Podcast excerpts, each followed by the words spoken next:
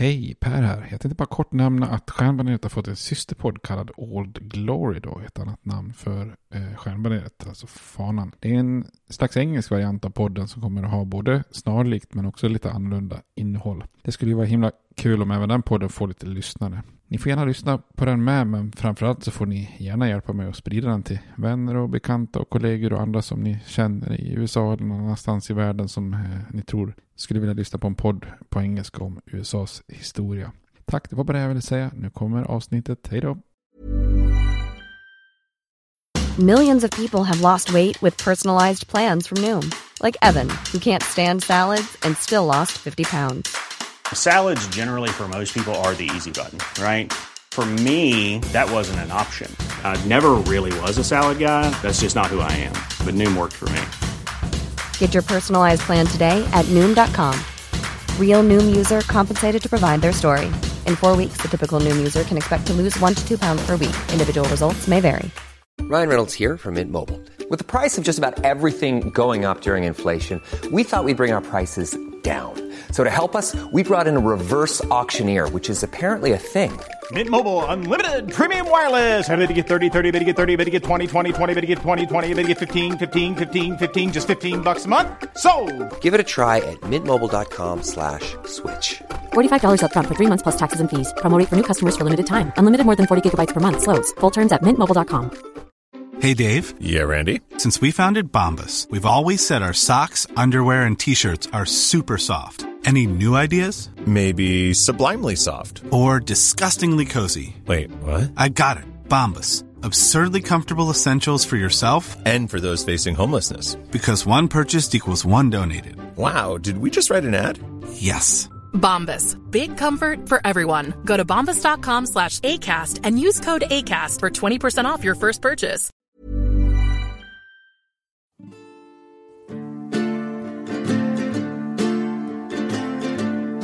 We hold these truths to be self-evident, that all men are created equal, that they are endowed by their Creator with certain unalienable rights, that among these are life, liberty, and the pursuit of happiness. Now we are engaged in a great civil war, testing that government of the people, by the people, for the people, shall not perish from the earth. And so, my fellow Americans, ask not what your country can do for you, ask what you can do for your country. I have a dream. that My four little children will one day live in a nation where they will not be judged by the color of their skin, but by the content of their character. Mr. Gorbachev, tear down this wall. I did not have sexual relations with that woman, Miss Lewinsky. Hej välkomna till Stjärnbaneret, en podcast om amerikansk historia med min pappa Per Fjärdingby. Jag får tacka min äldsta dotter Molly för den utmärkta introduktionen till podden. Hon eh, gillar mer att sjunga Miss Li än att eh, podda, men eh, det kan jag ha en viss förståelse för. Eh, återigen tillbaks till eh, medborgarrättskampen.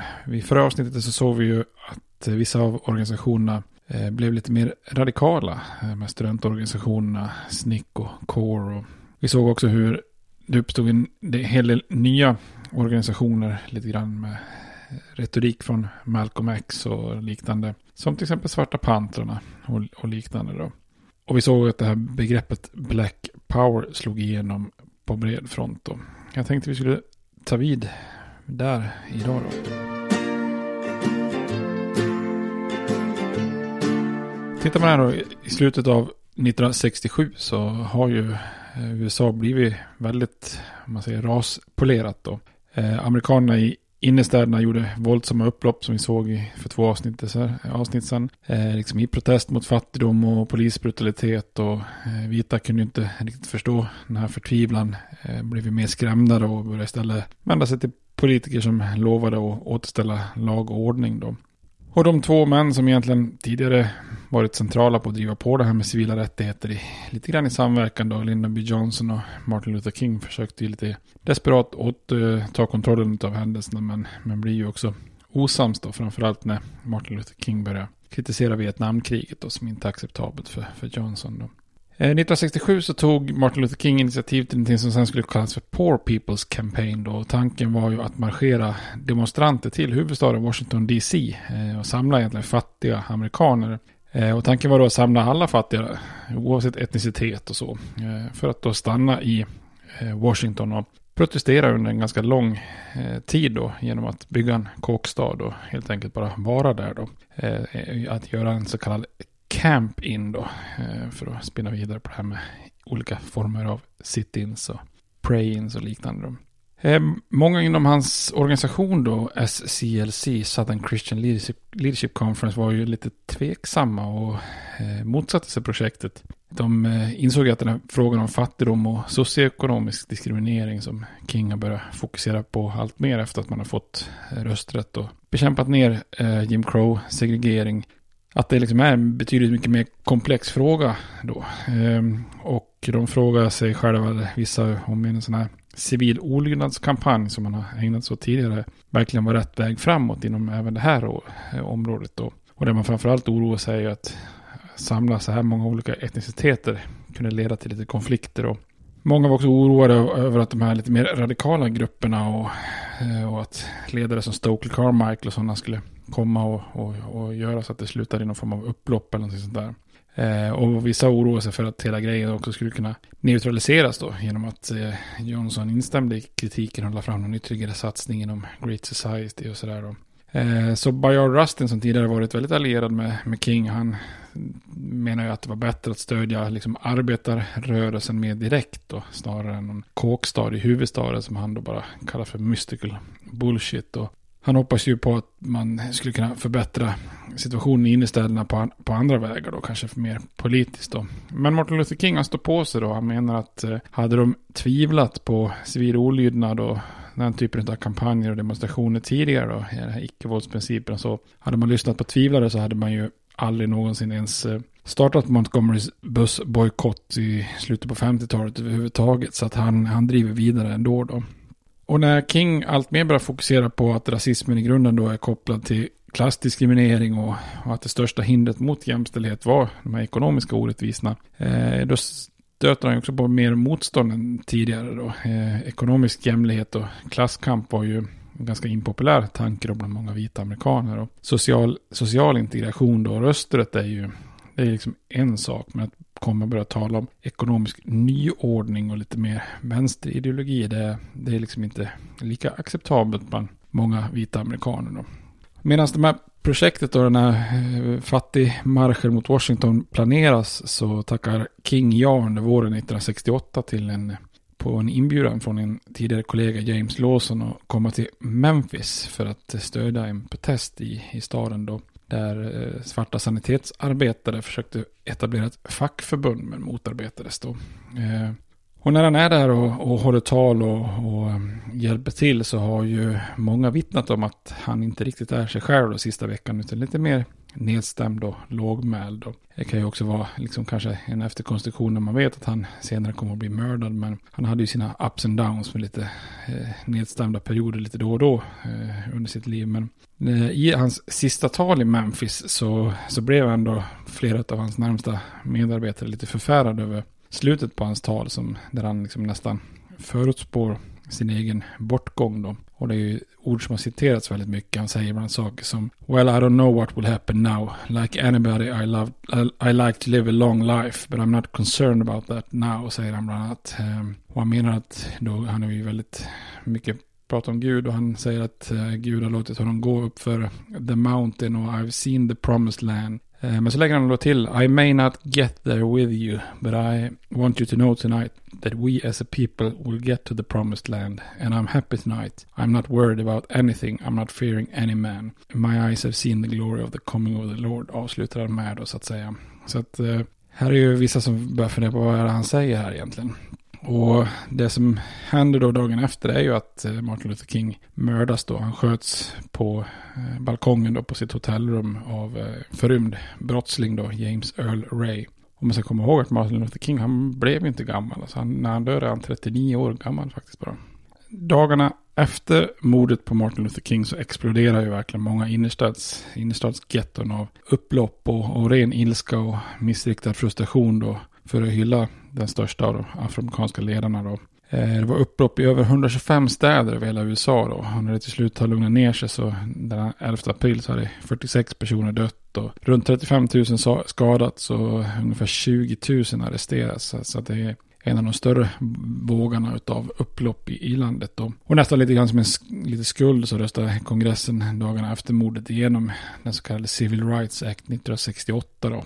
Eh, som är en lag som riktar sig mot boendesegregering men som samtidigt också innehåller mycket eftergifter mot de som eh, vill eh, kriminalisera upploppen och slå hårt mot upploppen. Så att det är nästan en, det är, det är frågan om den är för eller emot eh, medborgerliga rättigheter, den här lagen om man säger så. Kings, den här planerade Poor People's Campaign, eh, det är ju mycket möjligt att den hade varit dömt att misslyckats oavsett om initiativtagaren hade levt. Då. Men utan King så blir den en, ett, ett väldigt stort fiasko. Då. Det är inte mer än kanske 5000 personer som av olika etniciteter som samlas i The Mall i Washington, alltså den här stora öppna parken. Då. Eh, och man bygger då en temporär kåkstad som fick namnet Resurrection City. Eh, under sex veckor så pågick demonstrationen, men eh, mycket interna stridigheter mellan afroamerikaner, eh, latinos, ursprungsamerikaner, fattiga vita och det i kombination med en, med en väldigt ovanligt kall och regnig vår gjorde inte saken jättemycket bättre när de pulsade runt där i leran då. Eh, så när stan rycker ut med ett antal bulldozer och poliser för att riva den här Resurrection City så är det väldigt få som engagerar sig eller känner sympati för demonstranterna och istället var det många Eh, som många kritiker förutspått och snarare kontraproduktivt att eh, för många amerikaner så blir synen på fattiga etniska minoriteter kanske snarare ännu värre då att man verkligen förstärks att man är upproriska och hotfulla och hopplösa då så att säga på många sätt då. Själva organisationen eh, Southern Christian Leadership Conference skulle ju liksom aldrig riktigt bli densamma utan den här stora ledaren Martin Luther King då. Han hade ju varit liksom den dominerande symbolen. Så att den finns ju kvar än idag. Och eh, hans barn, eh, barn och barnbarn tror jag till och med har varit ledare och, i, inom organisationen. Men efter 1968 så tappar organisationen ganska snabbt i stöd då, så att säga. Det är ju så, King har ju länge varit den allra främsta medborgarrättsledaren och, och den som liksom kunnat ena och, och liksom få respekt av både moderata och radikala grupper, både vita och svarta då, och både unga och gamla afroamerikaner. Så att Hans bortgång skapar ju ett väldigt tomrum inom medborgarrättsrörelsen. Man kan ju fråga, fråga sig vad som hade hänt eh, om, han, om han inte hade eh, gått bort. Men eh, det är ju liksom någonting vi inte får reda på då. Eh, hade rörelsen kunnat överlevt eh, med honom? Det är väl tveksamt. Eh, det, det här med icke eh, våld och civil olydnad på 70-talet hade liksom kommit på något vis med ett bäst före-datum. Och den här typen av demonstrationer hade hade redan börjat mojnat innan de här skotten i, Memphis då. Eh, en sak som är spännande att fundera på är ju om både Martin Luther King och Malcolm X hade fått leva båda två då. Även om de från början var lite grann av två motpoler så kan man ju se hur de hade närmat sig varandra de sista åren. Eh, både ideologiskt och inställningsmässigt och King hade ju gjort en resa lite grann mot, mer mot radikalt vänsterhåll medan Malcolm X hade ju övergett den där riktigt militanta svarta nationalismen och gått mer åt det moderata hållet då efter att han hade brutit med Nation of Islam. Så att det är ju möjligt att de hade kunnat samarbeta om de hade fått några år på sig och, och, och leva vidare då så att säga.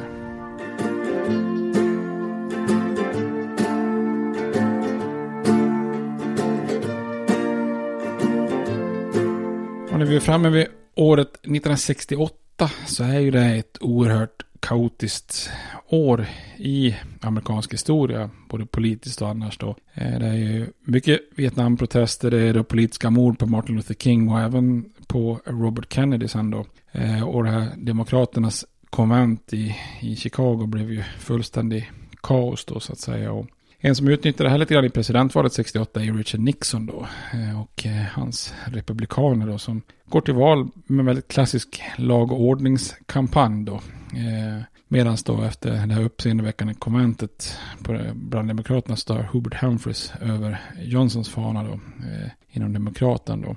Och Nixon går ju segrande ur det här valet genom att följa det som kallas för Southern Strategy. Eh, som betyder då att Republikanerna försökte fiska efter röster i södern och flörta med, med många vita amerikaner som tröttnat på medborgarrättsrörelsen. Eh, och den här republikanska strategin skulle ju slå hål i och försvaga den här tidigare alliansen inom Demokraterna som brukar kallas för Nya Given. Alliansen som Franklin Roosevelt en gång i tiden skapat då. Där demokrater i södern var allierade med demokrater i städerna i norr. Då.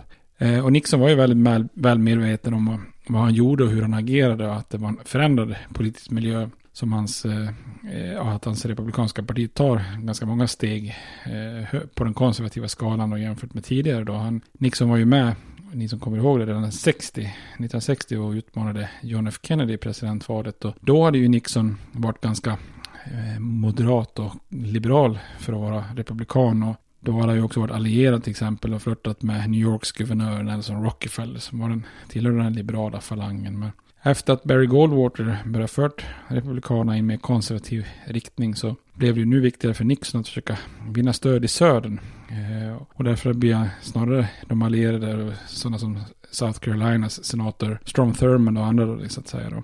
Och en orsak till Nixons strategi var ju också att han var tvungen att ta hänsyn till den här rasistiska kampanjen som George Wallace för 1968 då.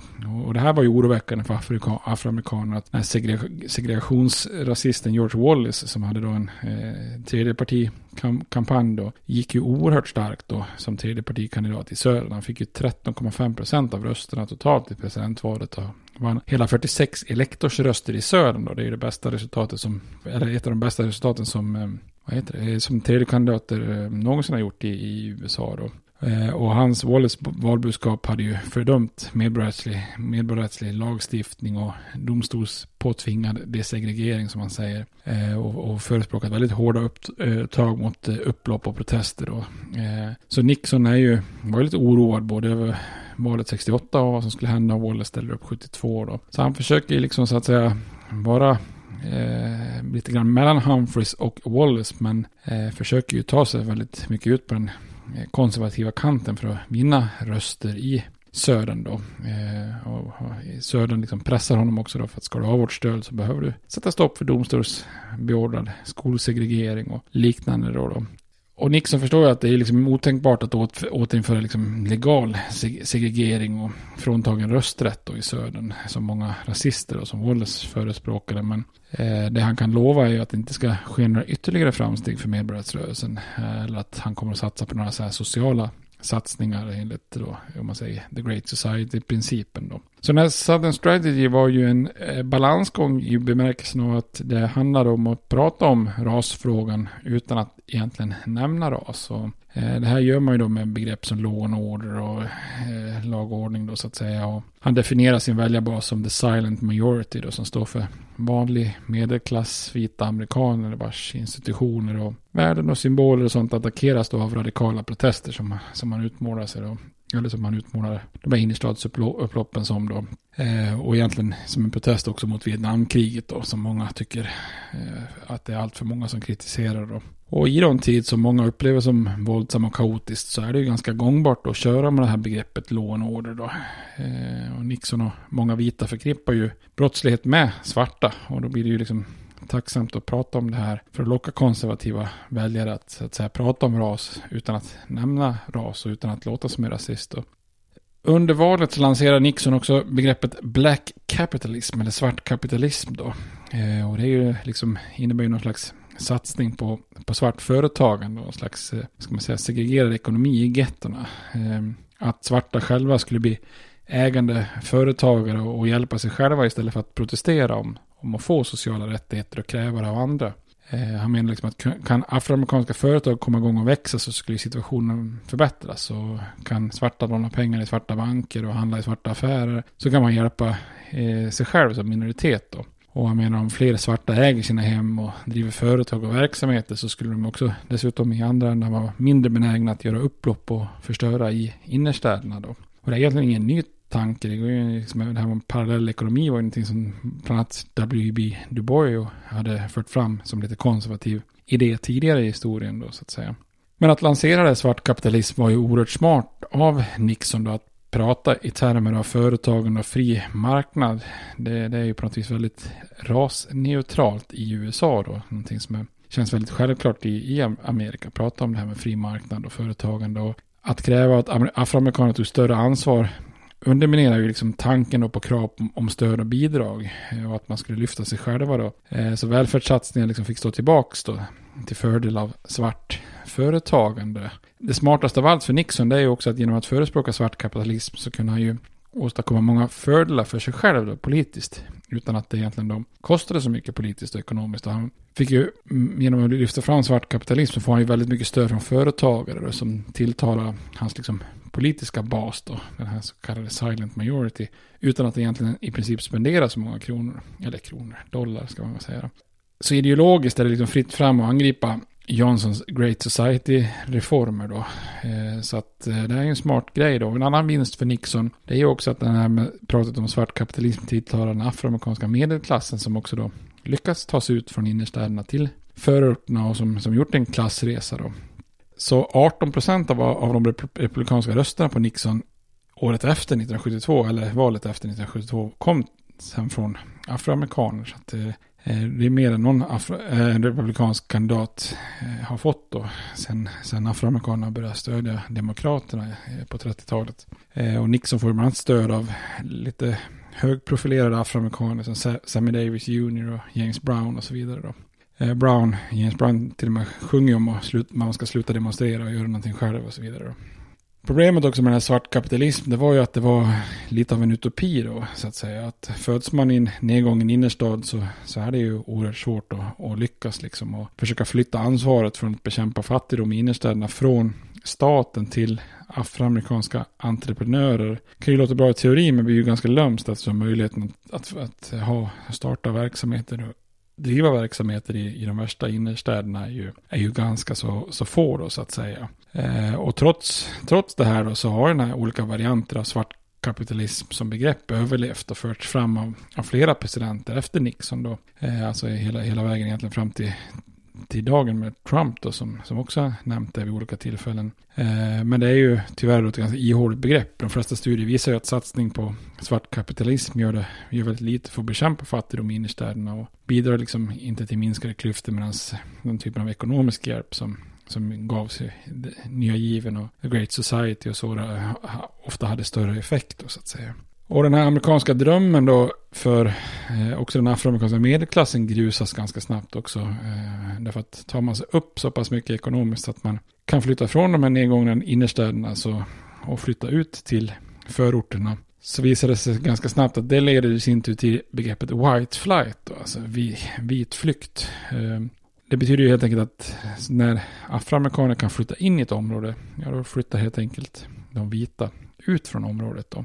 Eh, många skyller ju officiellt då på att det kändes mindre säkert, eh, att området kändes förändrat och att värdet på bostaden sjönk och så vidare. Och, och man, man vill helt enkelt inte bo, bo blandat med, med afroamerikaner då. Och det kan ju leda, leda till att förorter som var 100% bebodda av vita amerikaner, bara på några årtionden när det börjar flytta in afroamerikaner, eh, switchar då, så flyr, flyr de vita och så blir det bara kanske ett område med 90% afroamerikaner och några få vita som, som bor kvar då så att säga. Och det här gör det liksom lite uppenbart här i slutet på 60-talet, början på 70-talet att vita kan acceptera på något vis medborgerliga rättigheter i teorin då, eh, men betydligt mindre i praktiken då. Och det var väldigt mycket av de här utvecklingarna på 70-talet som skapar panik bland vita, eh, att det man har byggt upp håller på att slås sönder då så att säga och att eh, afroamerikaner kommer få ta över det som är de, deras, alltså vitas. Och det här blir ju oerhört tydligt i frågna, frågan om bussning som vi ska titta på.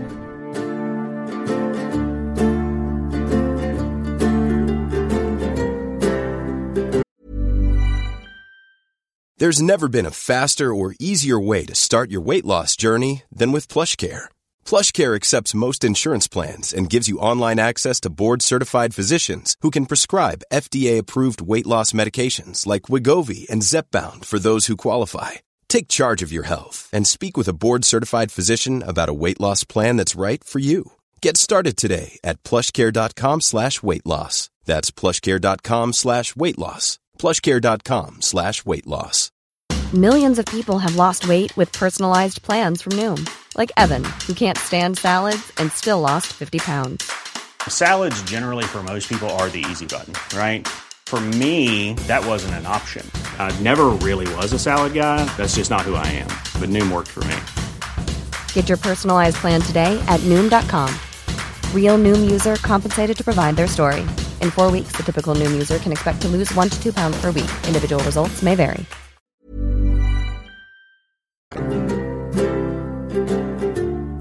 Den här politiska kursen då att blidka den vita tysta majoriteten och behålla stöd från konservativa i södern. Det innebar ju ofrånkomligt att president Nixon hamnar på koalitionskurs då med många medborgarrättsorganisationer och liberaler i många frågor. Och den fråga som vid den här tiden spetsar till konflikten ganska mycket det är ju den frågan om så kallad bussning då. Eh, bussning sätter lite fingret på den här ökade friktionen mellan just idealen i medborgarrättsrörelsen och då verklighetens rasrelationer i USA i allmänhet och, och inom utbildningsområdet i synnerhet. synnerhet då. Ni minns ju 1954 så slog ju Högsta domstolen fast att en segregerad skola inte var acceptabelt. Då. Eh, men många svarta bodde ju, eller gick ju i segregerade skolor för att de bodde i segregerade områden då. Så frågan om utbildning och eh, boende hänger ju starkt samman då. Och med sådana här rasskilda bostadsområden då, där liksom vita områden var rikare och kunde ge mer till skolan, så innebär det också att utbildningsområdet fortfarande är väldigt segregerat och att det är stora skillnader då. Eh, I svarta skolor var ju allting mycket sämre då, risigt, risiga lokaler, stora klasser, färre lärare och så vidare då så att säga. Den 20 april 1971 så slog Högsta domstolen fast i, i en dom då, Swan vs. Charlotte Mecklenburg Board of Education, att bussning av elever mellan skoldistrikt var ett legalt sätt att desegregera skolor då. Och det här med buss, alltså skicka elever med buss, det är ju egentligen inget, det är ju inget nytt i USA så att säga. Det finns ju avstånd på många ställen och då eleverna får helt enkelt åka buss, ganska normal grej att man åker buss till sin skola då. Men efter den här domen så börjar många lägre federala domstolar att tvinga skoldistrikt att desegregera sina skolor med hjälp av just då bussning. Då. Och bussningen innebar ju att man försökte skapa en rasmässig balans i skolorna genom att låta vita elever åka buss från sina hemmakvarter över skoldistriktsgränser för att gå i skolor i andra om områden då. Och medan svarta eh, elever då fick eh, resa åt andra hållet då. Och för vissa elever som skeppas till en skola med eh, svarta till vit skola och vita till en svart skola så innebär de här bussresorna väldigt långa avstånd då så att säga. Det här var faktiskt en fråga som eh, blev aktuellt för inte så länge sedan då med tanke på att Kamala Harris så, eh, hade, var ju en sån ett afroamerikanskt barn som hade bussats då och ansåg sig själv gynnat av det här systemet. Och Joe Biden hade ju, var ju känd som en demokrat som faktiskt hade motsatt sig bussning och menade att det inte var en effektiv metod. Och för att de rök ihop och var lite griniga på varandra under primärvalsdebatterna, eh, de demokratiska då. Eh, hoppas att de är mer överens nu då när de samarbetar.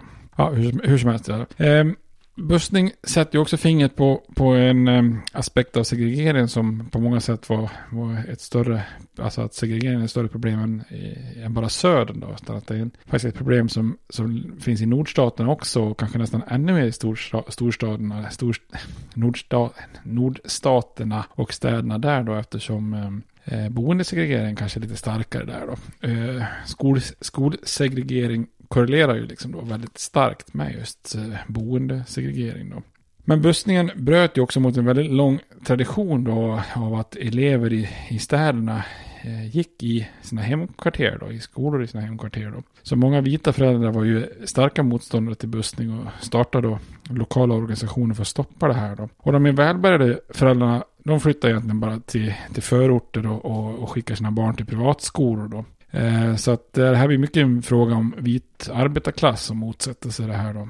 Eh, och frågan om bussning blottar ju också den här stora rasismen som fanns i norr också som, som Martin Luther King redan hade fått bevittnat när han var i Chicago som vi pratade om för något avsnitt sedan. Eh, I Detroit var ju motståndet så stort att vita föräldrar vid ett tillfälle gick ut på gatorna och stoppar bussarna rent fysiskt då så att säga. Vilket bland annat hjälpte till att ge George Wallace en primärvalsvinst i, i Michigan då i, i valet 1972. De värsta protesterna mot bussning äger ju emellertid rum i Boston 1974. Eh, och det är ju av alla ställen alltså. Det är ju, Boston och Massachusetts har alltid varit känt som ett liberalt moderskepp kan man väl säga. Ända sedan revolutionens dagar då. Det var där abolitionisterna hade haft sitt starkaste fäste då. För att argumentera mot slaveriet och så vidare då. Och precis som i många andra städer så fick ju skol, skolor i Boston, eh, Bostons afroamerikanska kvarter, betydligt sämre ekonomiska förutsättningar än skolor i vita kvarter då. Eh, mycket slitna byggnader och läromedel och annat då, så att säga. Och föräldrarna till en afroamerikansk elev hade ju tagit den här frågan till en domstol då, och i en dom 1974 av en lokal federal domare så slog man fast då att eh, skolkommittén bröt mot det 14 tillägget i konstitutionen om equal protection. Och för att skapa en eh, balanserad situation då, där en minoritet inte missgynnas så beordras då en domare, då Arthur Garrity, att tusentals elever från den huvudsakliga vita skolan South Boston eh, och den huvudsakliga då svarta skolan Roxbury skulle bussas fram och tillbaka mellan skolorna. Då. Det här utlöser ju en storm av protester i det vita arbetarklasskvarteret South Boston då. För, för många fattiga vita var ju liksom en rasindelad värld med segregation och bättre skolor, i alla fall en av få eh, fördelar i samhället. Och det här privilegiet att ha sina barn då i mer kvalitativa skolor var ju någonting som nu hotas då. Så de här vita arbetarklassföräldrarna till eleverna vid South Boston blir ju vansinniga då. Man startar en antibussningsgrupp som kallas för ROAR då, Restore Our Alienated Rights. Och man protesterar då vilt mot svarta elever. Så att massor av, massor av vita är ute på gatorna då. Bildar mobb runt skolorna för att hota och protestera då. Så att nu är det plötsligt liknar det liksom södern på 60-talet fast vi är på 70-talet och i, i Boston av alla ställen då. Eh, bussar attackeras och de vita föräldrarna skriker rasistiska glåpord mot de här stackars afroamerikanska eleverna som anländer då till South Boston då. Och politiker sätts väldigt hårt under press här då. Bland annat vid ett tillfälle så fångar en fotograf ett episkt ögonblick då när två vita sådana här Roar-aktivister attackerar en, en, en, svart advokat då på trapporna framför Bostons City Hall. Och det visar ju på något vis att medborgarrättsrörelsen medborgarrättsrörelsen hade sina begränsningar då i ett samhälle med så djup, djupt eh, rotad rasism. Då. Eh, så att man kan, man kan liksom lagstifta om saker men det ändrar ju liksom inte folks eh, genuina värderingar då på något vis. Då. Och ett problem med den här bussningen var ju att också att afroamerikaner inte var odelat positiva heller till bussning eftersom den här frågan var så komplex. Det var det som var så svårt med det här med ekonomisk och, och socioekonomisk eh, eh, problematik då, boende och så vidare. Naturligtvis motsatte sig afroamerikaner den här rasismen som blev blottad av bussningen då. Men man frågar sig också om, om det verkligen hjälper då att svarta elever eh, ska bussas till vita skolor. Att är det verkligen en effektiv åtgärd för att uppnå någonting positivt då? Eh, några menar ju att varför ska svarta elever nödvändigtvis mixas med vita elever bara för att kunna lära sig det? Och kanske till och med bättre för svarta elever att få lära sig saker tillsammans med andra svarta elever. Då slipper man ju åtminstone ha vita föräldrar som skriker glåpord åt en varje morgon när man kommer med bussen då så att säga. Andra menar att bussning inte kommer åt själva grundproblematiken och arbetar ju därför istället för att öka sin kontroll och inflytande över skolorna på andra områden då för att eh, istället för att skicka iväg barnen till andra delar av städerna då så att säga. Om, till exempel i Brooklyn i New York försöker man hitta ett system där de boende kan påverka mer vem som anställs som lärare och liknande åtgärder då. Men det fanns ju också många afroamerikaner som, som är för bussning då tycker ju då att det var ett konkret och bra sätt för svarta elever att få utbildning då av högre kvalitet i vita skolor. Och andra menar ju liksom att förutom det praktiska med den, den biten att man kanske skulle kunna komma åt just roten till skolproblematiken. För om ansvariga myndigheter bara såg till att skolor i alla områden hade liknande förutsättningar då skulle ju också bussningen kunna upphöra. Då. Så att ett slags långsiktigt tryck för att eh, jämna ut kvaliteten i både svarta och vita skolor då så att säga. För då skulle ju de här svarta eleverna slippa och, och vita eleverna slippa bussas fram och tillbaka då, så att säga. Nixon han ställer sig offentligt då på de vita protesterande föräldrarnas sida i den här frågan. Han använder bussningsfrågan för att stryka vita väljare och politiker i södern lite mer hårt.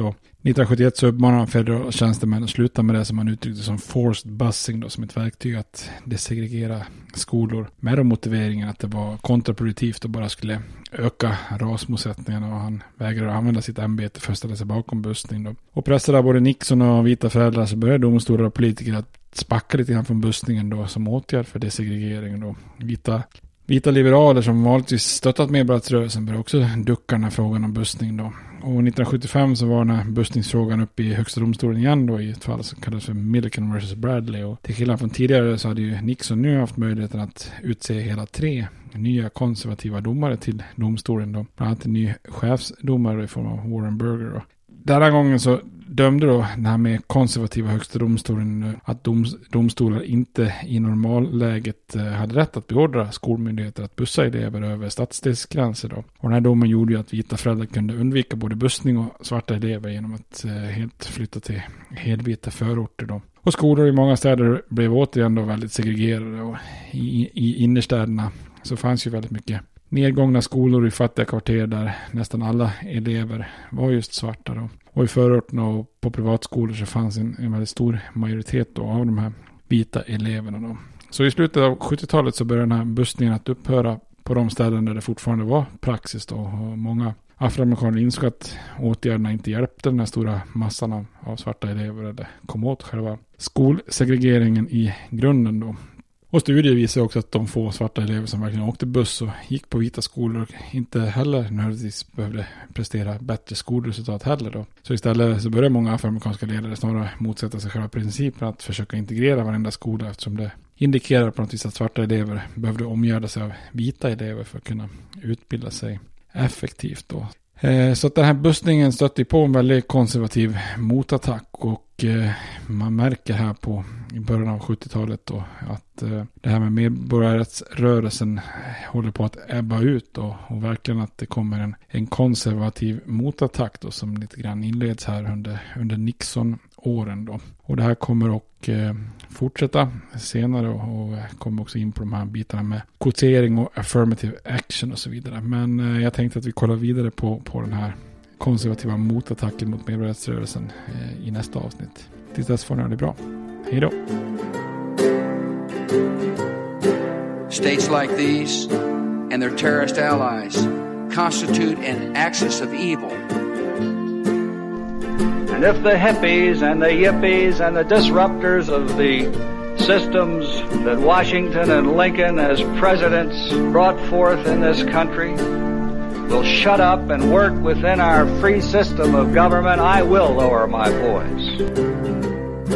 If the impeachment provision in the Constitution of the United States will not reach the offenses charged here, then perhaps that 18th century Constitution should be abandoned to a 20th century paper shredder. Therefore, I shall resign the presidency effective at noon tomorrow.